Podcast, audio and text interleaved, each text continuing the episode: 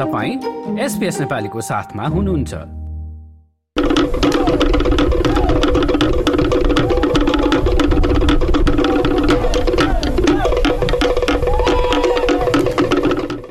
यस वर्षको छलफलमा पेसिफिक क्षेत्रका देशहरू बीचको सम्बन्धलाई सुधार गर्नेदेखि जलवायु परिवर्तन भू राजनीति र सो क्षेत्रका सम्भावित खतराहरू बारेमा छलफल हुने बताइएको छ। पछिल्ला केही वर्ष पेसिफिक क्षेत्रका नेताहरू बीचको छलफल विभिन्न कारणले अवरोध आइरहेको थियो। बैठकमा उपस्थित नहुने बैठक छाडेर हिँड्ने जस्ता गतिविधिले उक्त क्षेत्रका नेताहरू बीचको एकता नै खतरामा पर्ने सम्भावना बढ्दै गएको थियो।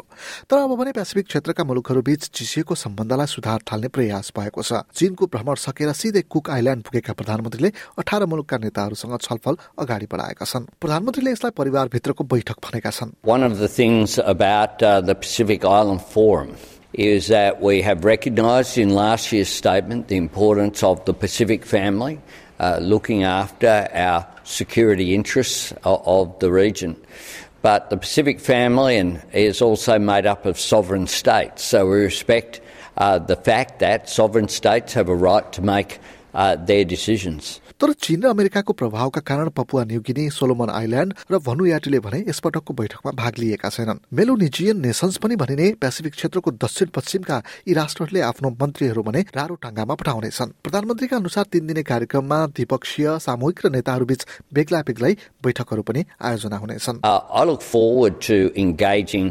positively and constructively uh, with uh, Prime Minister Brown, uh, but others as well. Uh, The Cook Islands is the host uh, of the forum. It will be an opportunity uh, to engage uh, with our nations. We have very positive relations uh, with all of the nations in who make up the PIF, and indeed I have hosted uh, many of them, including uh, the leaders of the Solomon Islands, Samoa, Fiji, Papua New Guinea, uh, Nauru, and other nations uh, since I've been Prime Minister.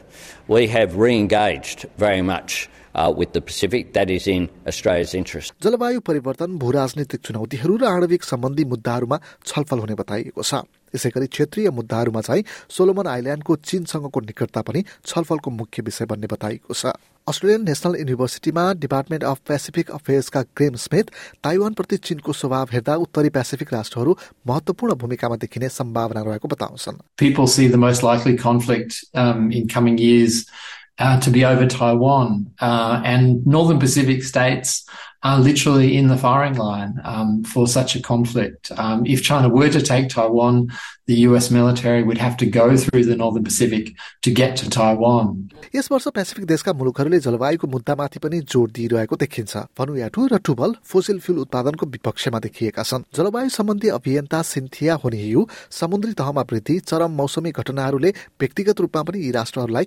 समस्यामा पारेको बताउँछिन् I grew up in the Solomon Islands, so you go to some places, people have already have had to relocate. It is a climate crisis, but also we have to look at it that it is a human rights crisis as well.